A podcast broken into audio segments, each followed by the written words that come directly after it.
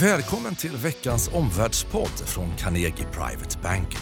Detta avsnitt är ett specialavsnitt av Omvärldspodden. Det är med mig Jonas Elofsson och eh, jag är börsredaktör här på Carnegie Private Banking. Och ni som har lyssnat tidigare har troligen hört mig ge veckans aktieråd då i podden. Och det är många lyssnare som har önskat att höra mer från våra analytikers insikter och det är precis det vi tänkte göra här idag. Och eh, så idag ska vi prata om en, en sektor där det ständigt sker intressanta skiften tycker vi och, eh, och där uppstår det då som bekant intressanta investeringsmöjligheter för våra kunder. Och vi ska diskutera det som blivit en, en väldigt stor del av underhållningsindustrin och det är faktiskt större än musik och filmindustrin tillsammans. Eh, och eh, det är gamingsektorn och eh, det ska vi göra med Oskar Eriksson, analytiker på Carnegie. Varmt välkommen! Tack så mycket, kul att vara här. Ja, eh, kul att ha det här och eh, denna vecka kan jag också nämna att vi i dagarna tre här arrangerar small och midcap seminarium här i huset och eh, när jag tittar på programmet så räknar jag till 84 bolag i fyra parallella sessioner så att det är väldigt många bolag här. Jag har själv tittat och lyssnat på gamingsektorn, bland annat då svenska THQ, Stillfront och nu senast här finländska Rovio och vi har även då MTG på plats här på torsdag och eh, de är ju då stora inom e-sport som bekant och hade ett rejält lyft här på börsen i måndags med väldigt positiva nyheter kring ett samriskbolag där mellan ECL som de äger, del, delägare och eh, Tencent. Då. Men Oskar, för att ge lite mer eh, förståelse för lyssnarna, hur, hur länge har du bevakat gamingsektorn och eh, vilka bolag har du och Carnegie så att säga, på, på gamingradarn? Jag startade bevaka gamingsektorn för ungefär två år sedan. Eh, just nu då så har vi fem bolag under bevakning gaming. Det är de bolagen som var här som nämnde THQ, Stillfront, även Paradox, eh, G5 Entertainment och eh, MTG då som sagt. Mm. Och eh, du, har även en fin, finsk bevakning också på den finska analysavdelningen? Exakt, vi har en finsk eh, analytiker som, som täcker Rovio. Ja. Alltså den här sektorn har ju vuxit fram, får man säga, väldigt snabbt de senaste åren. Kan man tycka i alla fall titta på börsvärdesmässigt. Och det är väl delvis då den här organiska trenden, så att säga, eller strukturella eh, digitaliseringen och allt det här med spel. Men också en hel del förvärvsintensiva bolag. Kan du, kan du sätta de här bolagen som du bevakar då i, alltså de svenska bolagen i lite mer perspektiv? Så här, hur stora är bolagen? Alltså, vad är de största och eh, ja, vad, vad har du att säga där? Ja, nej, men som du säger så är det ju, de har växt väldigt fort. Eh, dels organiskt, men många, många av de här casen är också förvärvsdrivna eh, och har gjort det väldigt bra med förvärv. Så att de största bolagen just nu är TUQ Nordic, det är över 20 miljarder i market cap. Vi har Paradox på 14 miljarder ungefär. Eh, men även Stillfront faktiskt börjar eh, bli stora, 7 miljarder nu och faktiskt större eh, än MTG. Eh, sen har vi ett antal mindre bolag i Norden också. Det finns ganska många listade bolag faktiskt eh, eh, men de är ofta under 500 miljoner då så kanske just nu då mindre intressanta eh, för oss skulle jag säga. Mm. Om man ska sätta det i, alltså summera ihop sektorn och det, det, det är liksom 50 plus miljarder någonstans då för, för, för de här tillsammans. De börjar bli liksom en relevant delsektor på börsen kan man säga va? De börjar bli väldigt relevant sektor och det märker man också tycker jag när man pratar med investerare som börjar bli allt mer intresserade av det här och kan sektorn bättre och bättre. Jag skulle säga att svenska investerare har kommit ganska långt där eh, jämfört med övriga eh, Europa faktiskt. Eh, och sen också värt att notera kanske att gamingsektorn har till viss del tagit över lite av intresset från online gambling som tidigare var eh, växte väldigt bra och eh, var mycket större än den är nu. Så att det har hänt väldigt mycket på kort tid här som gör att investerare får upp ögonen för, för industrin. Vilket mm. är kul. Ja, intressant iakttagelse om det, liksom relokering så att säga, mellan de här två tillväxtsektorerna får man ändå säga. Eh, men eh, om du sätter det då, både intresset kanske och kunskaperna och, och de bolag vi har i ett internationellt perspektiv. Vad, vad skulle du säga, hur, hur står sig den svenska gamingsektorn då? Och det så att säga, klustret kring det? Jag skulle säga att förvärvsmässigt så står de sig väldigt bra i alla fall. Eh, men de skiljer sig väl lite från de här största utländska bolagen som kanske har ännu större varumärken, eh, som har större användarbaser, som har kanske ännu mer tillväxt eh, i sig eh, för individuella spel. Men jag tycker att Sverige, de svenska spelbolagen har en väldigt eh, stark position i sina nischer. Så att de här största bolagen börjar bli verkligen välkända utomlands och ligger väl i den här kategorin under de största spelbolagen som, som Activision Blizzard, Ubisoft, Electronic Arts och så vidare. Syns det även i så att säga, ägarlistan då? Bör det komma in utländska ägare? Absolut, det tycker jag det gör. Eh, framförallt då för THQ Nordic, eh, Paradox men även Stillfront. Där tycker jag man ser verkligen, eh, inte minst i år, ett, ett ökat eh, intresse internationellt. Eh, det är många som, som rycker i dem och vill eh, ta upp bevakning för att investerare är intresserade av det här eh, globalt eh, nu faktiskt. Så det är spännande tider. Mm. Vi återkommer lite grann till eh, till just det. Och jag tänkte ändå att vi, det kan faktiskt vara värt att göra en liten snabb tillbakablick på vad som faktiskt har hänt i, i sektorn av de senaste 20 åren, inte minst när jag själv faktiskt eh, bevakade Digital Illusions eller DICE faktiskt som, eh, när jag jobbar som analytiker. Och de blev ju uppköpta av just amerikanska Electronic Arts som du påpekar är ett av de stora bolagen. Det var ju efter deras succé med Battlefield då, och eh, branschen var väldigt hitdriven och man tittar lite grann på ja, förvärvsmotiven så var det ju bland annat skenande utvecklingskostnader som jag vet styrelsen rekommenderade eller eh, argumenterade för där. Men affärsmodellen kanske delvis var också något annorlunda här med liksom det krävdes förfinansiering från en stor förläggare eh, och sen då erhöll man en liten royaltydel och alltså en procentandel på intäkten och det krävdes i princip en succé för att så att säga, skapa eget handlingsutrymme för att i sin tur komma vidare som, som bolag och spelutvecklare. Men idag då, så, om vi skruvar fram klockan och alltså, vi har väldigt många fler plattformar, om att inte minst mobilen. Även konsolerna faktiskt som ju lanseras i samband med eh, 20, början av 2000 där och vi har andra affärsmodeller. Eh, det är free to play i mobilen och vi har en annan distribution, hela huvudtaget den här digitaliseringen. Alltså Oskar, eh, en öppen, och stor och bred fråga. Alltså du som bevakar sektorn, alltså, vad skulle du göra säga de stora penseldragen som ja, de senaste åren som du bara tittar på den här sektorn som du tycker är viktigt? Ja, nej, men det, det som du säger med digitalisering här tycker jag ändå är det stora som har hänt de senaste ska man säga, tio åren får man säga. Eh, dels har mobilt eh, växt väldigt snabbt. Det är nu närmare 40% av den globala spelmarknaden Eh, och växer fortsatt snabbast eh, närmsta åren enligt eh, marknadsestimat. Men sen även på PC-konsol har det hänt väldigt mycket med digitalisering. Det började väl egentligen med att Steam, en digital PC-plattform, släpptes 2003 och sen släpptes ett spel exklusivt där året efter. Och det var Half-Life då som kom ut. Och det gjorde att många spelare eh, startade och spelade där. Eh, vilket gav en väldigt bra tillväxt för den här plattformen. Eh, och ledde till fler digitala plattformar och att även det kom till konsol så småningom och blev stort. Men den här digitaliseringen har gjort att bolag kunnat ha en resa från att som du säger då att man har fått ett bidrag från stora förläggare och utvecklat spel med en liten royalty.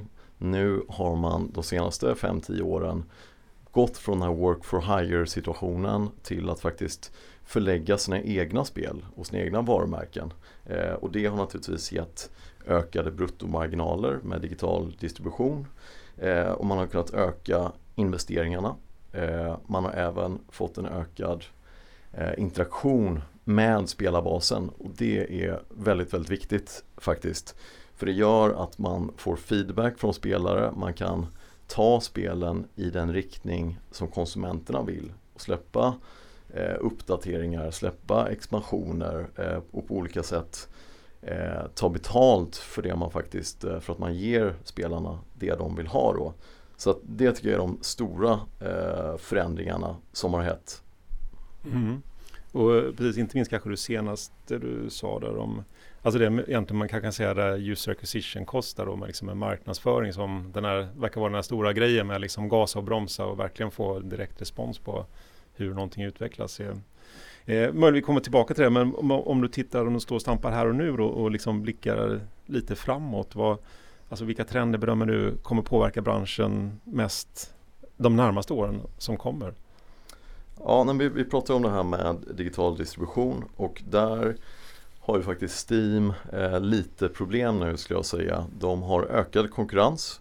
Eh, Steam slog igenom med Half-Life som jag sa. Nu är det ett annat bolag, eh, Epic Games, som har Fortnite.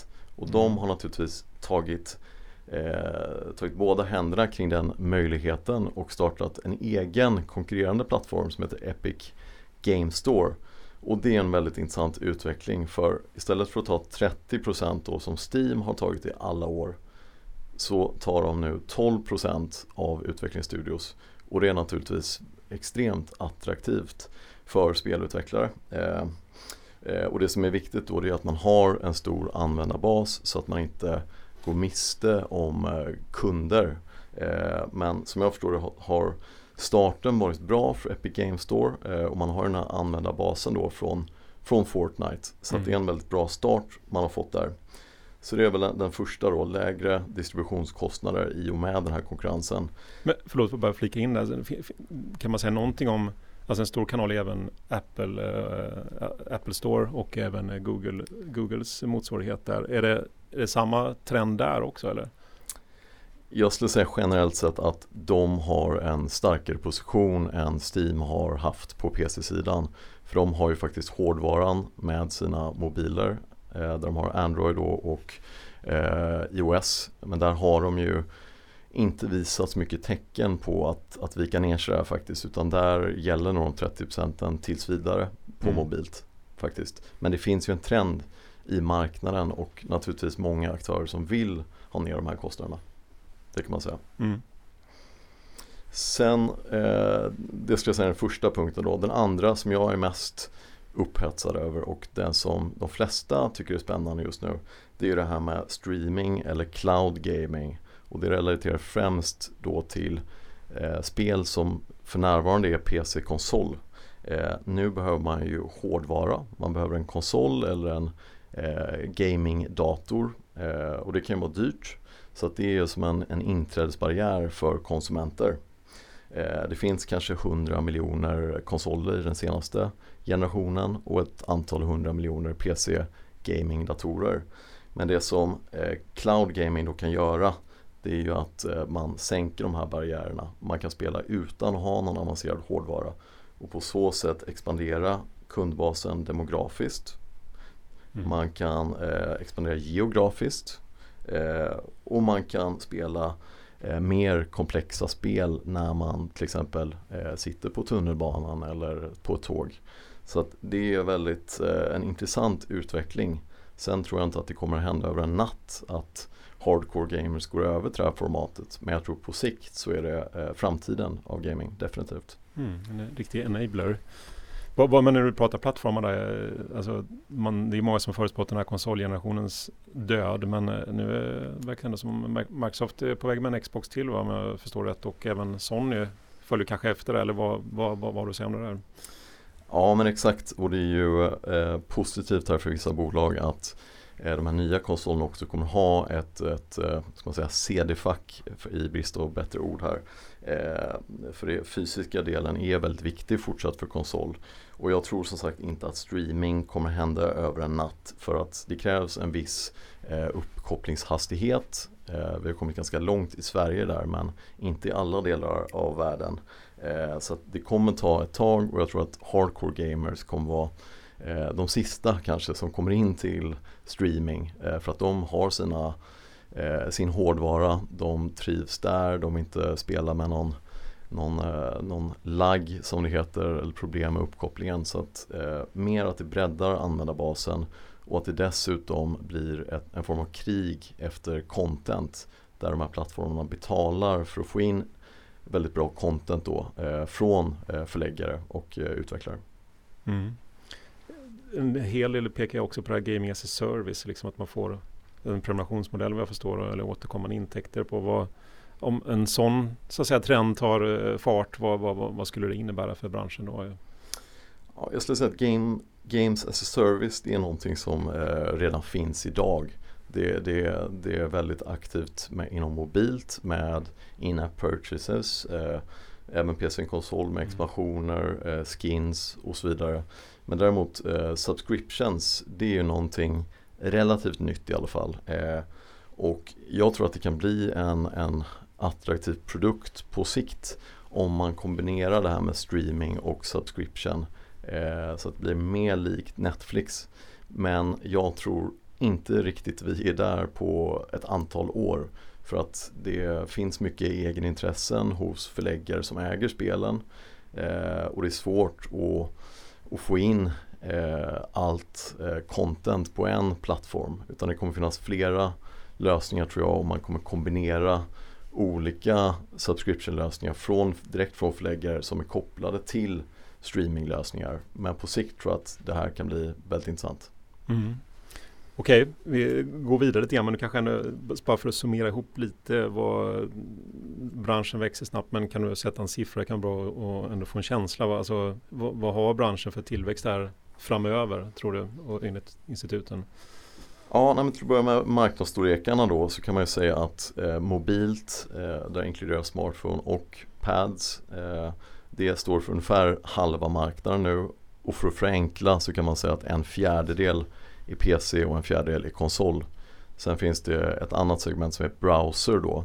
Eh, men det är väldigt litet och är också det som har eh, sämst tillväxt framöver eller det ska minska snarare.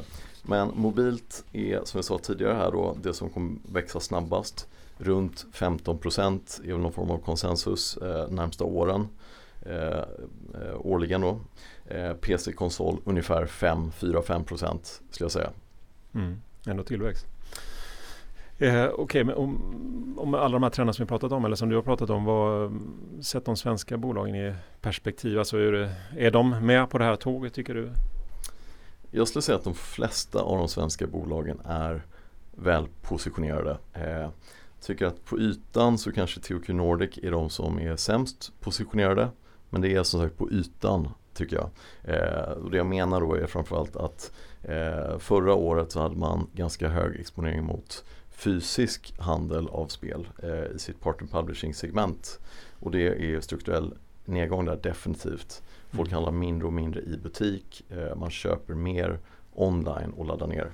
Eh, men eh, jag tror att man har en, en, tydlig plan för det här segmentet och har lyckats dessutom växa det här eh, 5-10% per år trots den här nedgången.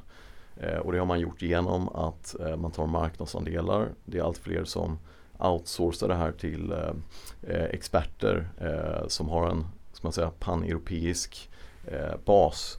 Eh, så där har man tagit marknadsandel eh, definitivt. Eh, och sen har man ju lite, man fokuserar lite mer på äldre titlar och på single player-spel. Men det är någonting som jag tycker man gör väldigt, väldigt bra och effektivt.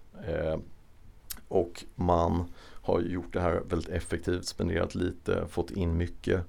Och det är väldigt tydligt av deras framgång att det finns en marknad. När spelen blir allt större eh, och färre så finns det ett utrymme för äldre spel som har en användarbas eh, etablerad eh, faktiskt. Sen tycker jag om vi går vidare till, till Paradox då. Och jag tycker man ska skilja lite på det här med marknadsposition i termer av marknadstillväxt men även hur man är positionerad i sina genrer. Och där tycker jag Paradox är väldigt väl positionerat. Man äger sina egna IPn. Jag tror att deras två huvudgenrer, strategi och city builders, det är ingenting som kommer försvinna utan de har lyckats växa de här genrerna och mm. de dominerar dem. Så att de är också väl positionerade tycker jag.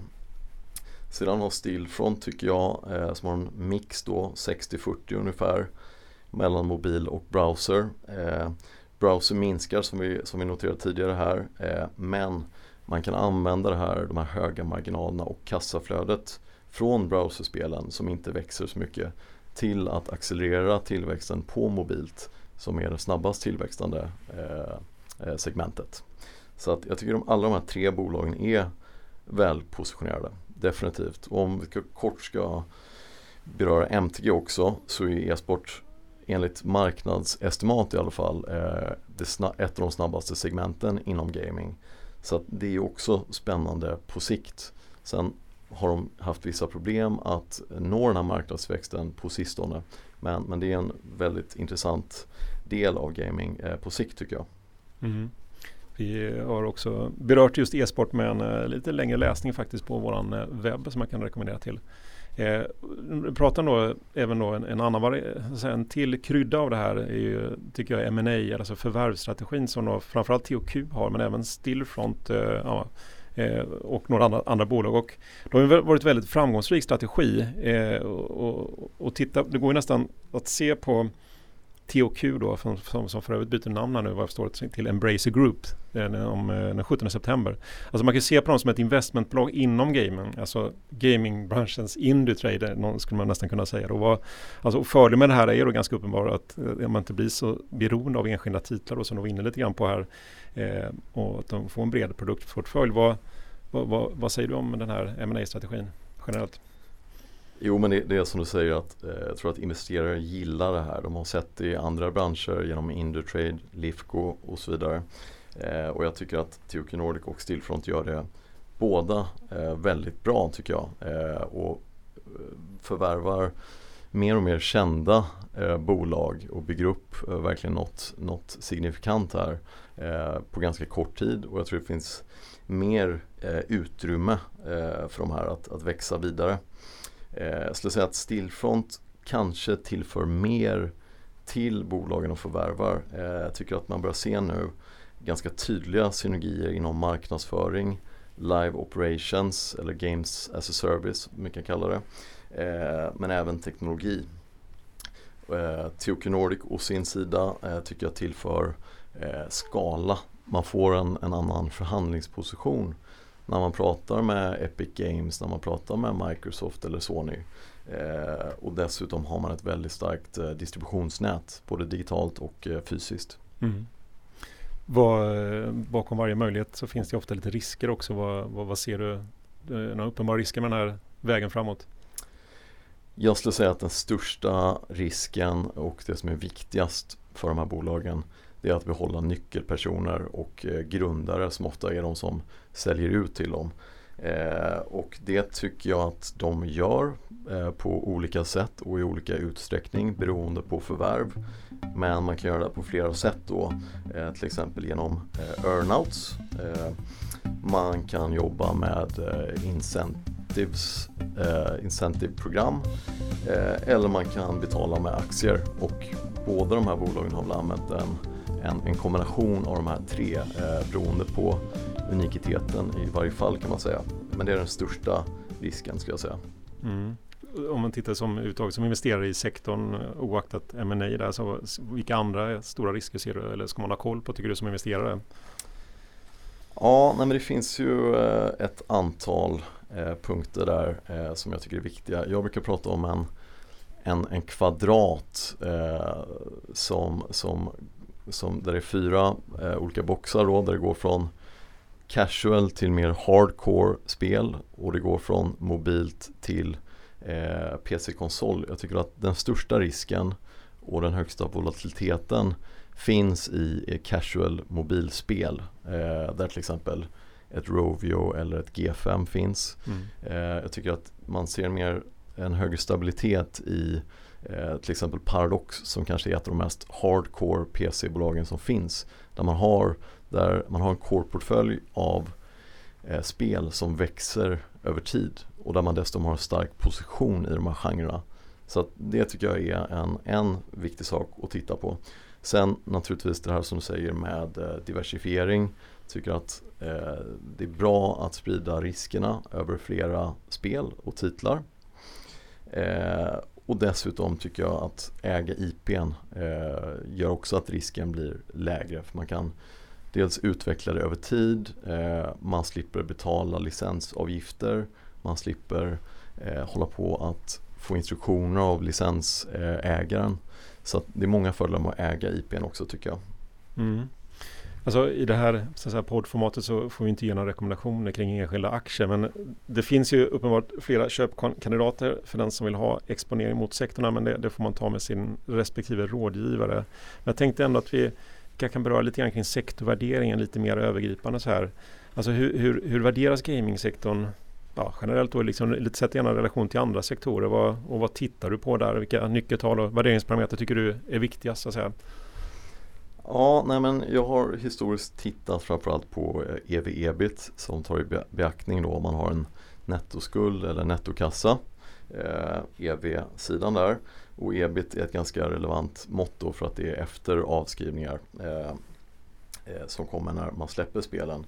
Eh, men nu på senare tid eh, så har jag börjat titta mer på EV-EBIT-A för att någonting som är viktigt att komma ihåg då är att eh, de här förvärvscasen så förvärvar man ganska aggressivt och sen skiljer det sig väldigt mycket hur aggressivt man skriver av till exempel goodwill eller Mm. IP-rättigheter.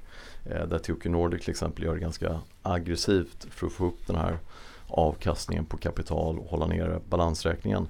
Och man kan väl säga att eh, den nordiska sektorn eh, som inte är kanske så bred då, inte de bolagen jag tittar på i alla fall. Men då handlas det om i snitt kring 15 gånger eh, ev ebit på nästa år. Eh, eller ungefär 19 gånger ev ebitda.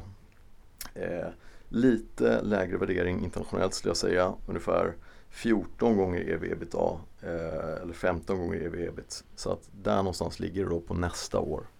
Mm. Ja, det är ganska hyggliga multiplar då. För, men det är som sagt det är en eh, tillväxtsektor och eh, gynnare av hela den här digitaliseringen. Eh, alltså man kan också kanske beröra lite grann kring den här tillväxtkänsligheten. Man kan ju konstatera till exempel eller en omvärdering kan ju gå ganska snabbt både upp och ner, ofta framförallt ner kanske. Men, och en bra illustration tycker jag i G5 som vi pratade om lite grann som är då ett det här casual games, free to play som du precis varnade för lite grann. Eh, det var ju en kursraket där som har men tappat väldigt mycket. Eh, verkligen kurslagt det senaste året efter att en av deras storsäljare Hidden City som jag för övrigt inte äger själv eller om jag förstår det rätt. Eh, även Paradox har väl haft någon form av kontraktion där i, i multiplarna. Vad, alltså hur tillväxtkänslig är värderingen i sektorn? Vad kan du säga om det? Ja, nej men det här, jag tycker att det här går tillbaka till riskerna vi pratade lite om. Eh, eh G5 specifikt eh, skulle jag säga att det, det, det finns, eh, botten är lite lägre när man har ganska, när man är beroende av få spel eh, och när man inte äger IP-erna själv. Eh, då, då blir det en lägre värdering när de här viktiga, eller det viktiga spelet minskar. Så att det är någonting att ta i beaktning. Jag tycker de här eh, THQ Nordic, Paradox, Stillfront de har en bredare portfölj. Även om de här är beroende av vissa releaser, inte minst THQ Nordic där kanske titelrisken är lite högre för vissa enskilda spel, kanske ett per år. Så är, är de ändå mer, eh, de är bredare och det är väl lägre risk att värderingen ska gå så lågt som det gjort i vissa av de här fallen. Mm.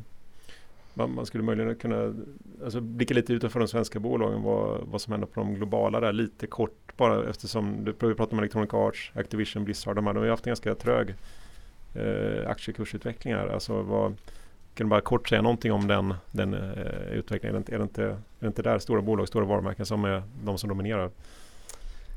Jo, jag skulle säga att det är fortsatt är ju de här stora varumärkena väldigt viktiga. Men jag tycker väl att generellt sett så tycker jag att vissa av de här stora bolagen kanske har blivit lite för mycket corporate, lite för trögrörliga. Eh, och man har tappat marknadsandel till eh, lite yngre bolag som kanske är lite mer innovativa. Vi pratar om Epic Games då med Fortnite naturligtvis, eh, även PubG. Eh, så att jag tror att de som har de här spelen som är liknande dem och som är på samma skala Det är väl de bolagen som tar mest skada när eh, ett sånt revolutionerande spel kommer in skulle jag säga. Eh, så att man får passas lite för de här bolagen som är beroende av vissa stora spel eh, men konkurrerar på det sättet. Mm. Ja, en viktig poäng, de tog ju marknaden med storm. Man kan väl kanske tillägga också Epic Games ägs då, eller delägs av Tencent va? som är kinesiskt och eh, världens största spelbolag brukar man säga eller? Exakt, de äger väl drygt 40 procent eh, tror jag. Mm. Så du har ju varit inne på det egentligen tidigare, men jag tänkte vi, vi drar ihop säcken här och summerar. Alltså, du hade väldigt bra summering egentligen tidigare, men alltså, hur bör man tänka om man har eller vill ha exponering mot gaming? Hur närmar sig branschen? Ja, men jag, jag tycker att det, det gäller att tänka lite liknande hur man ska tänka om individuella bolag. Att man ska ha, man behöver inte investera i endast ett bolag utan man kan tänka lite portföljtänk tycker jag. Eh, och sen ska man tänka på de här riskerna och gå i motsatt riktning. Man ska äga bolag med diversifierade portföljer eh, av spel och gärna bolag som äger sina IPn. Det tycker jag är en, en bra startpunkt eh, som investerare. Det låter som en väldigt bra summering Oskar och jag, jag tror vi eh, sätter punkt där. Stort tack för din medverkan. Tack själv. Eh, nästa vecka så är podden tillbaka med Henrik von Sydow och Helena Haraldsson och eh, då spelas Omvärldspodden jubileumsavsnittet nummer 100 in live på vårt e-, eget event då, Carnegie efter börsen i Stockholm som är mötesplatsen för investerare och entreprenörer och eh, det här eventet gästas denna gång bland annat av finansmannen och techinvesteraren Staffan Persson som delar med sig av sina erfarenheter på scenen. Tack för att du har lyssnat på Omvärldspodden från Carnegie Private Banking. Vill du veta mer om vad som händer i vår omvärld och få aktuella idéer till affärer? Gå då in på www.carnegie.se veckans viktigaste och prenumerera på vårt nyhetsbrev.